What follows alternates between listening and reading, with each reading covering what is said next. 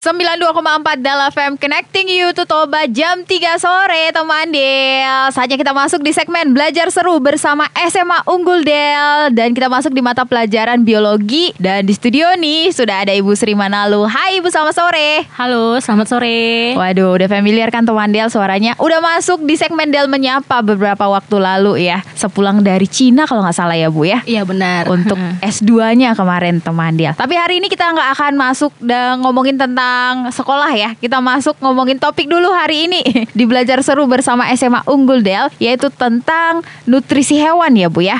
Iya benar Oke, kira-kira apa nih Bu? Kenapa nutrisi itu penting untuk makhluk hidup hewan nih khususnya ya? Iya benar ha Jadi hari ini kita pilih topik tentang sistem pencernaan. Mhm. Kalau kita bahas sistem pencernaan nggak bisa dilepaskan dari yang namanya nutrisi hewan nih. Ya. Kita berangkat dari definisi dulu nih. Nutrisi itu sebenarnya apa sih gitu kan? Ya. Orang biasanya mikir apa sih nutrisi gitu. Biasanya kita menyebut nutrisi. Nah nutrisi itu adalah eh, makanan yang masuk ke dalam mulut. Jadi setiap makanan yang masuk ke dalam mulut itu kita sebut sebagai nutrisi. Nah, Oke. Kenapa kita perlu nutrisi? Ada tiga hal penting yang menyebabkan kita butuh nutrisi. Mhm. Di mana, nah, nutrisi itu sebagai sumber energi. Yang pertama sebagai sumber energi. Yang kedua sumber molekul organik. Mhm. Nah, molekul organik itu apa aja sih? Nah, ada karbohidrat, ada protein, ada lemak. Ya. Kemudian berikutnya adalah sumber nutrisi esensial. Oke. Nah, untuk itulah kenapa kita butuh yang namanya nutrisi. Oke, untuk jenis-jenis ataupun kelas nutrisi ini sendiri bagaimana nih Bu? Nutrisi itu ada disebut sebagai eh, nutrisi esensial nih. Mhm. Nah, kalau yang tadi yang saya sebutkan itu kan ada molekul organik. Mhm. Nah, berikutnya ada yang namanya nutrisi atau nutrien esensial. Ya. Nah, disebut esensial karena eh, tubuh kita tidak mampu mensintesis atau membentuk molekul-molekul ini. Jadi, kita harus dapatkan dari ma- bahan makanan Ya. yang kita makan dari eh, yang kita masukkan ke dalam tubuh gitu. Semua makanan ya? Iya. Kayak daging, telur, Nah, keju, betul. semuanya itu dia teman Del. Ada lagi Bu untuk kelasnya selain Nutrien esensial ini ada apa aja sih gitu ya? Nutrien esensial ini ada asam amino, disebut asam amino esensial. Mhm. Kemudian ada asam lemak, kemudian ada vitamin dan mineral. Nah, asam amino sebenarnya ada 20 asam amino yang diperlukan oleh tubuh Ya. untuk membangun molekul proteinnya. Ya. Tapi hanya setengah yang mampu dibentuk oleh tubuh. Sebagian lagi harus kita peroleh dari makanan. Makanya disebut dia nutrien esensial. Oke, gitu.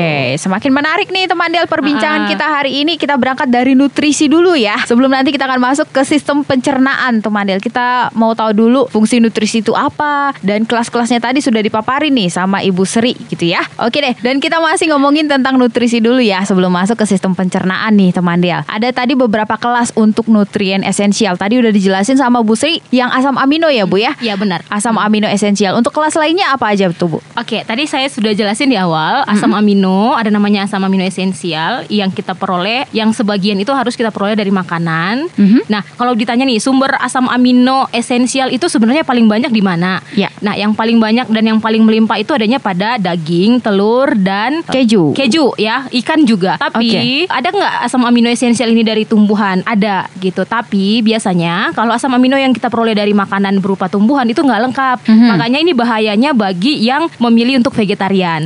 Oke. Gitu. Jadi kalau orang vegetarian mereka harus tahu dan mengkombinasikan beberapa tumbuhan supaya memenuhi asam amino esensialnya. Kemudian Oke. yang kedua itu tadi ada asam lemak esensial. Nah, asam lemak esensial ini sangat jarang kita kekurangan sebenarnya. Karena diet kita sehari-hari itu pasti terpenuhi asam lemak esensial. Oke. Nah, berikutnya vitamin. Nah, vitamin ini apalagi saat ini orang pada sering bicara tentang vitamin ya untuk Iya. meng- menjaga daya tahan tubuh. Apalagi vitamin C tuh. Iya, vitamin C benar. Nah, vitamin ini eh, ada banyak, Mhm. Eh, ada 13, ada 13 jenis vitamin yang sudah diketahui dibagi ke dalam dua kelas. Ada yang namanya larut dalam air, ada yang namanya larut eh, dalam lemak. Ya. Nah, kalau yang larut dalam air itu contohnya bisa vitamin B, itu vitamin B banyak, ada B6, B12, Mhm. kemudian vitamin C. Nah, makanya kalau kita misalnya eh, minum kelebihan vitamin C, Ya. itu sebenarnya akan dibuang karena dia larut dalam air. Jadi nggak masalah sebenarnya kalau misalnya Oke. konsumsi vitamin C, eh, tapi kalau boleh sih dalam jumlah yang tepat. Sayang gitu. juga kalau kebuang Iya, gitu ya. benar.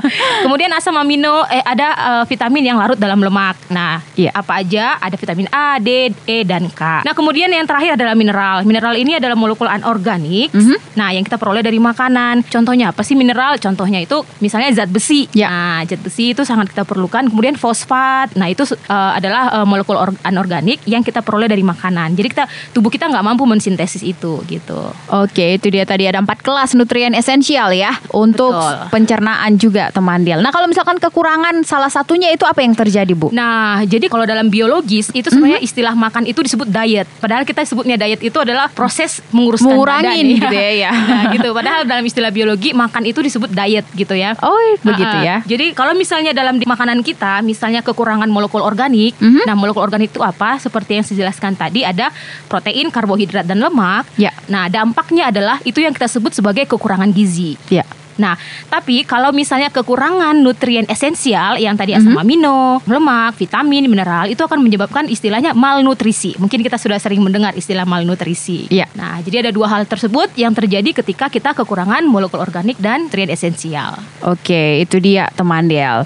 Udah jelas ya. Kita berangkat dari pengertian nutrisi dulu dan bagaimana kalau misalkan ada kelas dari nutrien esensial itu yang tidak tercukupi ataupun kurang salah satunya gitu tadi ya akan mengakibatkan kurang gizi dan malnutrisi. Oke, kita langsung masuk nih ke tentang sistem pencernaan nih Bu ya. Iya, betul sekali. Oke, kira-kira sistem pencernaan itu Bu dimulai dari mana nih? Ini khusus hewan atau manusia nih? Nah, di sini saya masukkan ke hewan karena sebenarnya kalau dalam sistem klasifikasi manusia itu tergolong ke dalam hewan. Oke, di biologi ya. Ya, di biologi. Waduh, ngeri Kita nih. bicara biologi.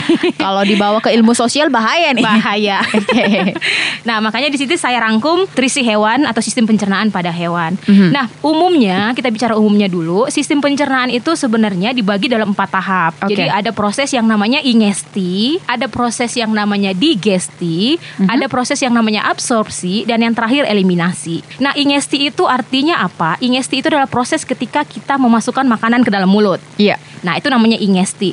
Kemudian setelah makanan masuk ke dalam mulut, makanan ini akan dipecah menjadi molekul yang lebih sederhana. Mhm. Tujuannya supaya mampu nanti diserap oleh tubuh. Oke. Nah, proses penyerapan ini disebut absorpsi. Nah, terakhir, tidak semua makanan itu diserap oleh tubuh. Sisanya ke mana? Dieliminasi. Itulah yang kita buang melalui anus, yang kita sebut sebagai feses. Ya. Itu dia. Ada empat tahap tadi ya. Ya, benar. Ingesti, digesti, absorpsi, Absorpsi, dan eliminasi. Nah, kalau untuk prosesnya sendiri itu terjadi secara kimia atau bagaimana tuh, Bu? Nah, jadi kalau untuk sistem pencernaan, proses yang terjadi pada sistem pencernaan, khususnya untuk digesti, ya pencernaan, itu ada dua tahap atau ada dua proses yang disebut sebagai kimiawi dan eh, mekanik. Oke. Gitu dia. Itu perbedaannya apa? Nah, kalau mekanik, jadi ada alat khusus pada sistem pencernaan. Nah, contohnya gigi. Gigi itu adalah alat pencernaan yang bertugas untuk mencerna secara mekanik. Artinya memecah molekul makanan yang kita makan menjadi ukurannya lebih kecil. Oke. Sedangkan yang kimiawi, nah kimiawi itu karena memakai enzim. gitu. Enzim. Jadi mencernanya menggunakan enzim. Itu dia, itu bedanya. Bedanya udah dapat ya teman Del dan kita akan ngobrolin tentang sistem pencernaan. Tapi kita sebelum masuk ke tahapan sistemnya, kita kenalan dulu ya Bu ya sama organ-organ pencernaan manusia ataupun hewan itu ada apa aja? Oke, jadi tadi ada empat tahap. Mhm. Ya tadi ada ingesti, ada digesti, absorpsi, sama eliminasi. Nah, keempat tahap ini terjadi di masing-masing organ, Ya. gitu. Jadi eh, organ-organ yang terlibat dalam sistem pencernaan itu ada dimulai dari yang namanya mulut. Nah, di Mhm. mulut itu, di mulut itu ada apa aja? Tentu ada gigi, kemudian ada lidah. Ya. Nah, selanjutnya organ berikutnya itu setelah makanan berasal dari mulut, maka akan masuk ke dalam kerongkongan. Ya. Ya, nah di sini sering sekali ada kesalahan masalah antara tenggorokan sama kerongkongan. Itu Nah, berbeda? Jadi kerongkongan sama tenggorokan itu jalurnya berbeda. Oh. Jadi tenggorokan itu untuk ke paru-paru, sementara kerongkongan itu jalurnya ke lambung. Aku baru tahu dia. loh.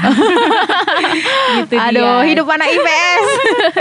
Nah, setelah dari kerongkongan, kemudian akan dibawa ke lambung. Nah, lambung, di lambung makanan juga dicerna. Nah, di lambung makanan dicerna secara kimiawi. Setelah cerna secara kimiawi di lambung, kemudian selanjutnya ke mana? Ke usus halus. Nah, usus halus ini ada tiga bagian. Nah, ada yang disebut sebagai duodenum Oh, iya. atau bahasa awamnya itu usus 12 jari. Nah, sering sekali kita dengar usus 12 jari. Kemudian ada namanya ileum, kemudian ada namanya jejunum.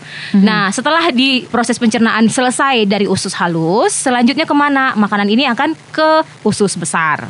Ya. Nah, di usus besar terjadi lagi yang namanya penyerapan. Nah, di usus besar ini nanti akan saya jelaskan apa saja yang proses yang terjadi di sana. Mhm. Nah, usus besar ini terdiri dari apa saja? Jadi ada yang namanya kolon, Iya. ada yang namanya sekum, ada yang namanya rektum.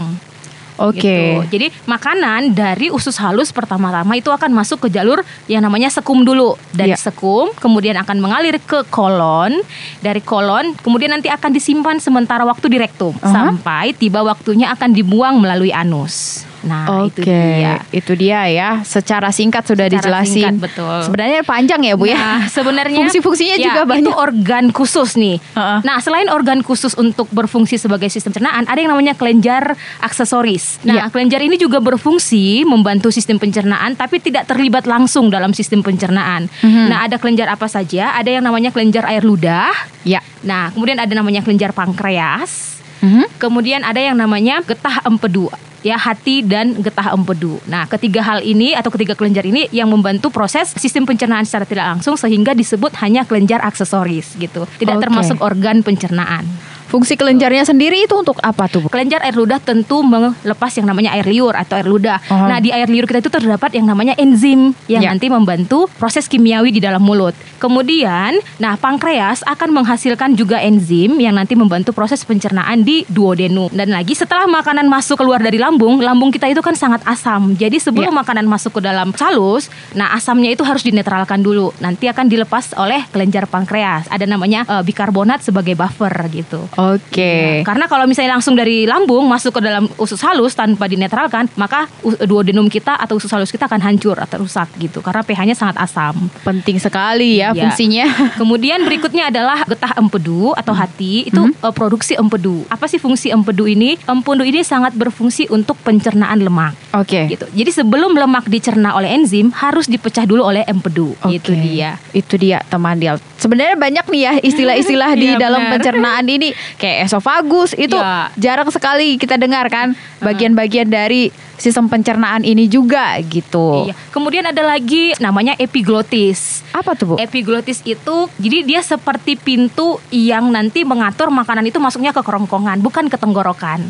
Gitu. Jadi Oh. kalau misalnya kita dalam kondisi tidak makan, ini epiglotisnya akan naik. Dia mirip seperti kalau kita lihat di bagian dalam ada kayak lonceng begitu ya, ada kait seperti Iya. kait. Nah, Ah-ah. ketika kita tidak makan, dia akan naik Ah-ah. gitu, posisinya naik. Tapi ketika kita makan, makanan akan mendorong dia. Ketika makanan mendorong dia, dia menutup jalur ke tenggorokan Oh, sehingga itu makanan fungsinya. tidak masuk ke tenggorokan tapi ke kerongkongan gitu. Oke, menarik sekali teman Del. Ada ilmu baru nih yang Elvi dapetin. Ternyata kerongkongan dan tenggorokan itu berbeda jalurnya. Baru hari ini usia mau 29 tahun gitu ya kan.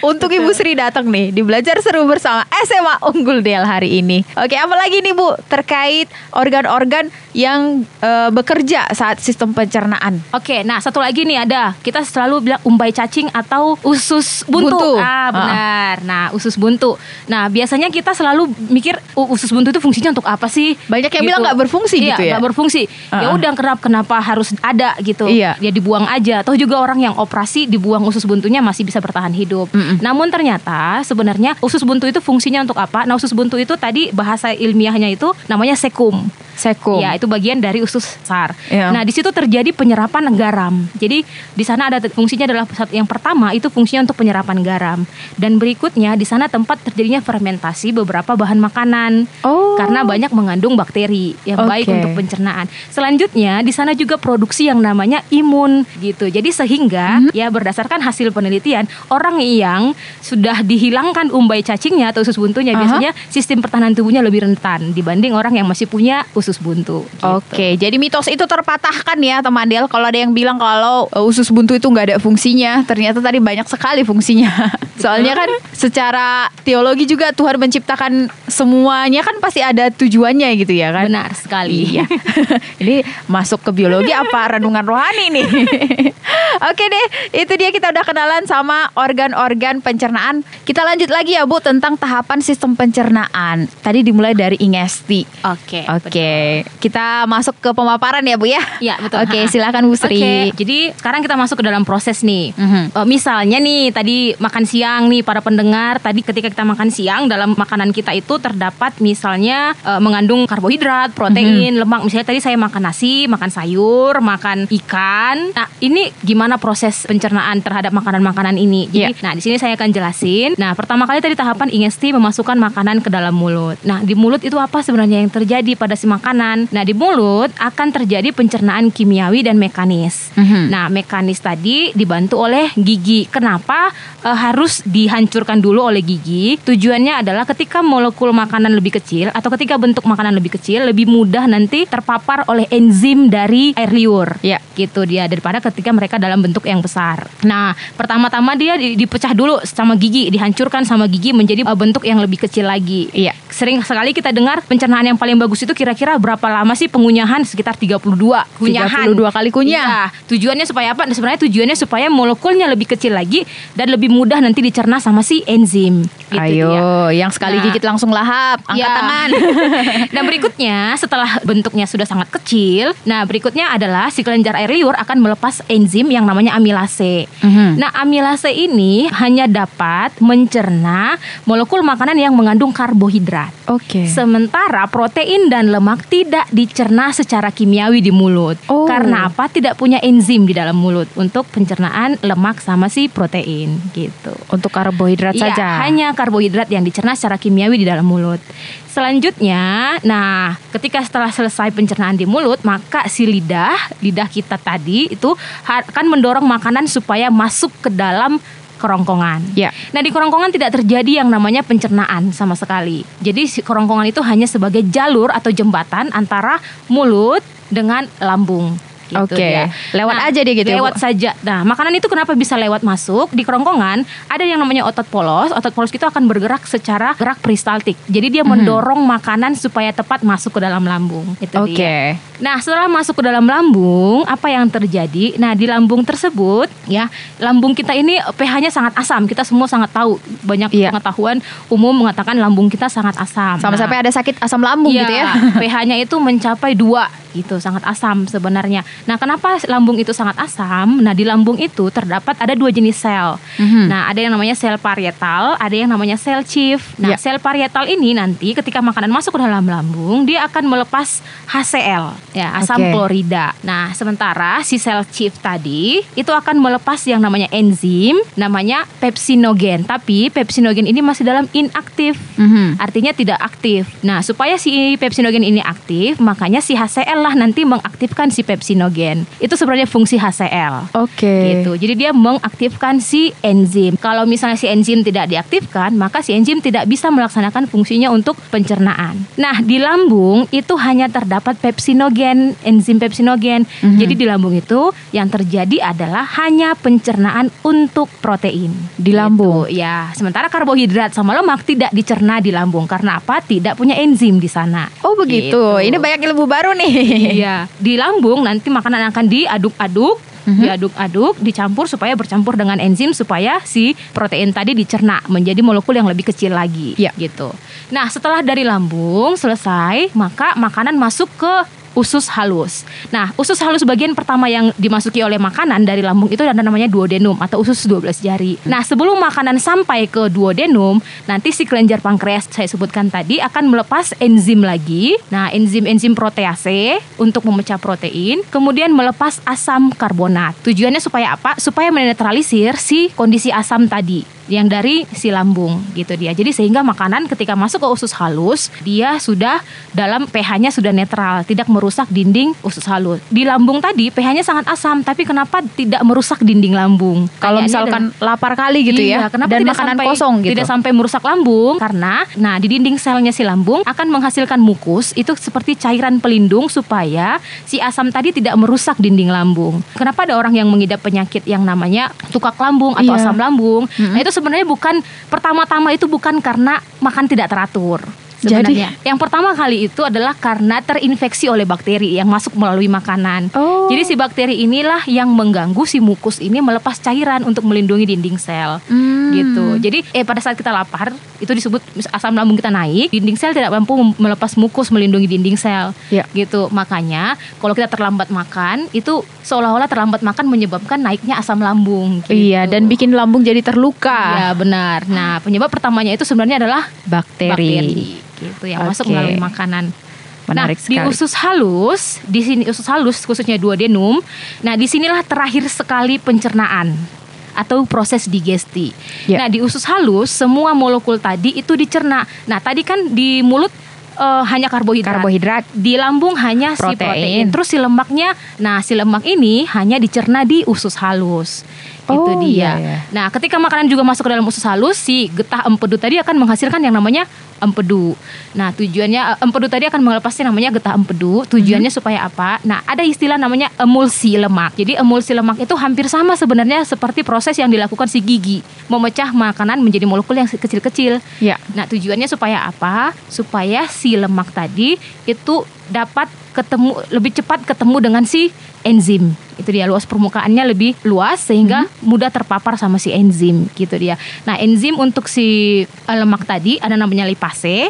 Nah, lipase itu akan memecah lemak. Jadi di usus halus itu sudah dipastikan kalau protein harus sudah dalam bentuk asam amino Ya. molekul kecilnya. Nah, si karbohidrat harus sudah dalam bentuk monosakarida. Contohnya adalah glukosa. Nah, si lemak harus sudah dalam bentuk asam lemak dan gliserol. Karena bentuk-bentuk inilah atau molekul-molekul kecil inilah yang mampu diserap oleh tubuh kita gitu. Harus dalam bentuk. Jadi dipastikan sudah dalam bentuk itu di usus halus baru nanti akan diserap gitu. Oke. Nah, kemudian ada lagi namanya DNA. Nah, kita sering sekali DNA. Emang kita makan DNA? Nah, Ya. emang kita makan DNA nggak sih gitu? Nah, ketika kita makan daging, sel daging itu kan mengandung DNA.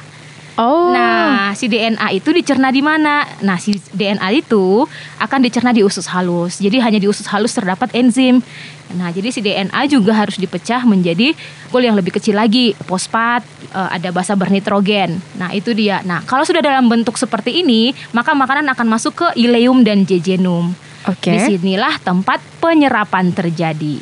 Itu Di dia. ilenium, Di ileum sama jejunum. ileum dan jeju. Iya. Oke. Nah, si, jadi di situlah terjadi penyerapan, absorpsi. Nah, makanan tadi akan diserap melalui dinding sel pada usus, kemudian akan dibawa oleh sistem peredaran darah. Yang dibawa oleh ke sistem peredaran darah atau vena itu hanya glukosa, kemudian eh, asam amino, kemudian basa bernitrogen yang dari DNA tadi. Sementara si lemak itu tidak dibawa oleh pembuluh darah sebenarnya.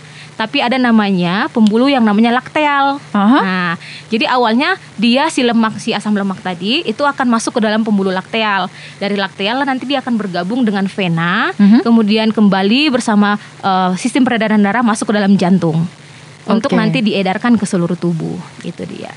Oke. Nah, sisanya kan tentu eh, makanan itu tidak semuanya diserap seperti yang kita saya sebutkan tadi. Hmm. Nah, pasti ada sisanya. Nah, sisa makanan ini akan didorong ke usus besar. Iya. Nah, di usus besar itu apa yang terjadi? Kalau tadi di usus halus terjadi penyerapan makanan, Mhm. sari-sari makanan, di usus besar terjadi penyerapan air dan garam. Itu dia. Jadi, air yang dipakai tadi untuk pencernaan, sistem pencernaan itu dikembalikan lagi ke dalam tubuh. Iya. Gitu. Jadi, selama tadi sisa makanan itu mengalir melalui kolon Mhm. tadi, nah di situ terjadi penyerapan air. Kalau misalnya terjadi gangguan pada penyerapan air, Iya. inilah yang menyebabkan feses kita terlalu keras atau terlalu encer.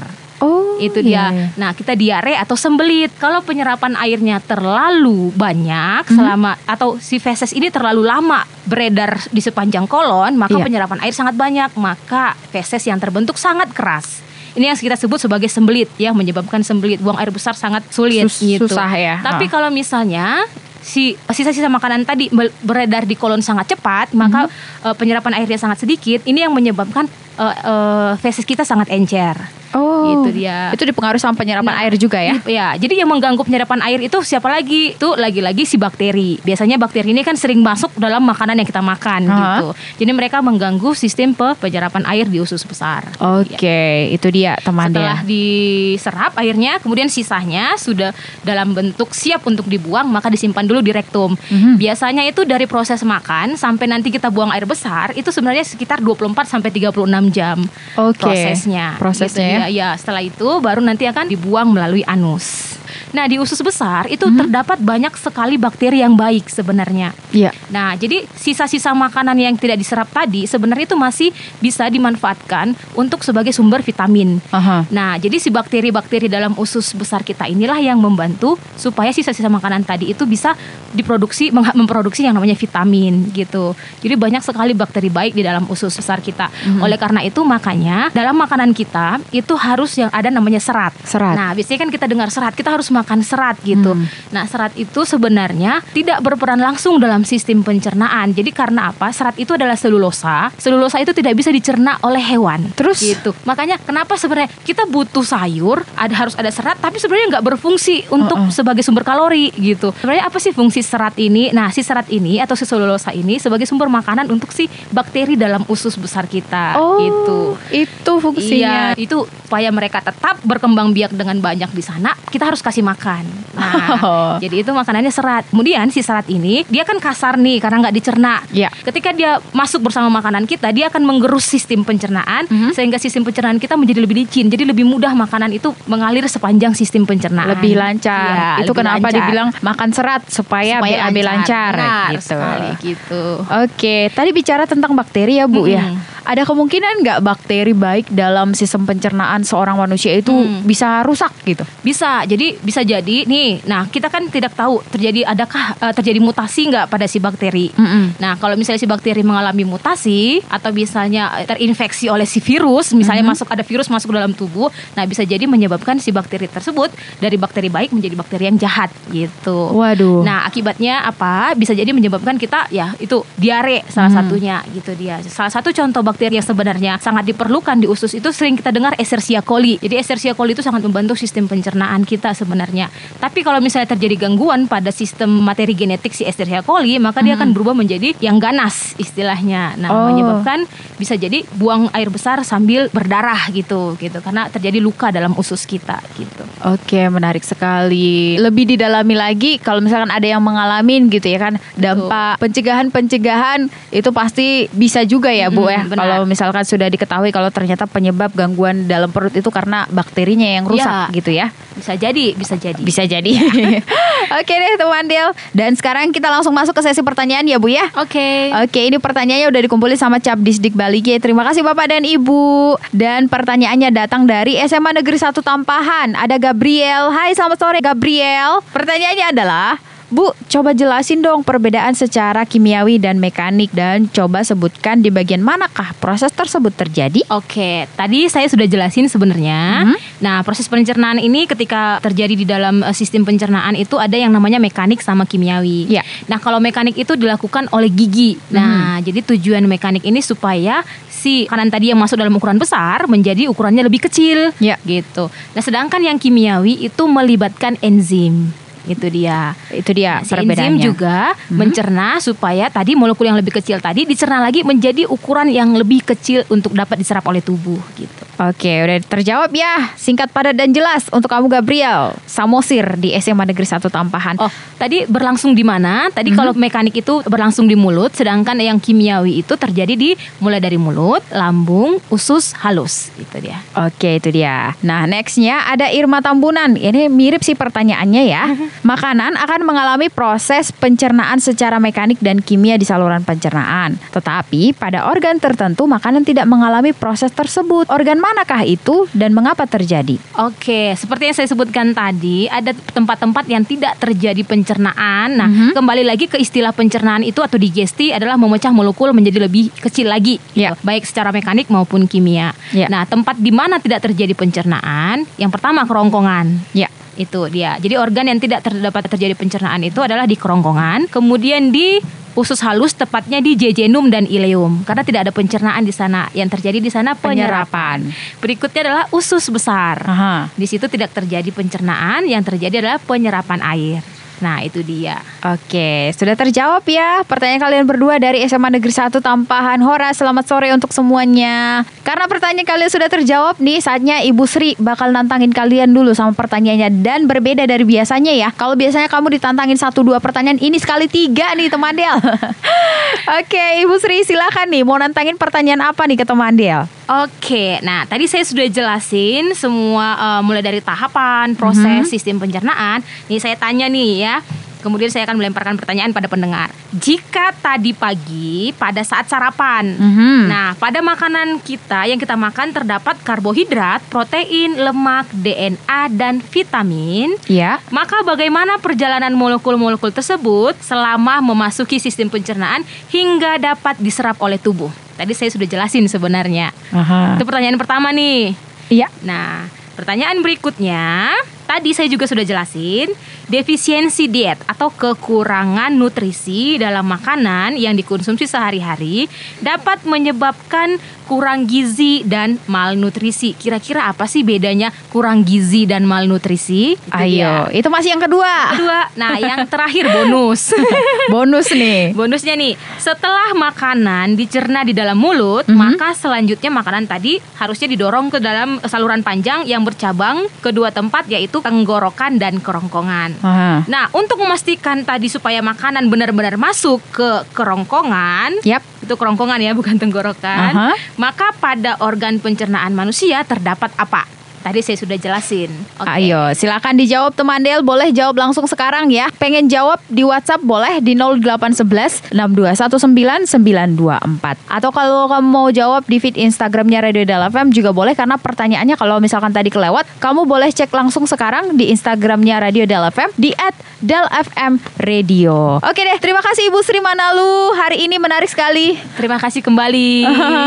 Sangat senang sekali diundang sama Radio Del, dapatkan pengalaman baru. Oke, jadi siaran gitu ya. Benar. Selama ini gimana sih di radio itu sebenarnya siarannya seperti apa? Eh ternyata begini. Ternyata Sangat begini. seru ternyata. Nextnya kita siaran apa nih Bu? Eh, boleh. Boleh. Apa aja? Untuk topik. Untuk topik ini kan sistem pencernaan. Ha-ha. Untuk mata pelajaran biologi nextnya kira-kira akan ada topik apa? kan ada dua topik lagi. Salah satunya ekologi atau ekosistem. Iya, benar. ekosistem. Oke. Sampai ketemu teman Del di segmen belajar seru mata pelajaran biologi selanjutnya. Tapi kamu harus ikutin juga mata pelajaran lainnya ya di segmen belajar seru bersama SMA Unggul Del dari Senin sampai Jumat jam 3 sampai jam 4 sore. Terima kasih Ibu Sri. Terima kasih kembali. Terima kasih teman Del dan stay tune terus di 92,4 Del FM connecting you to Toba.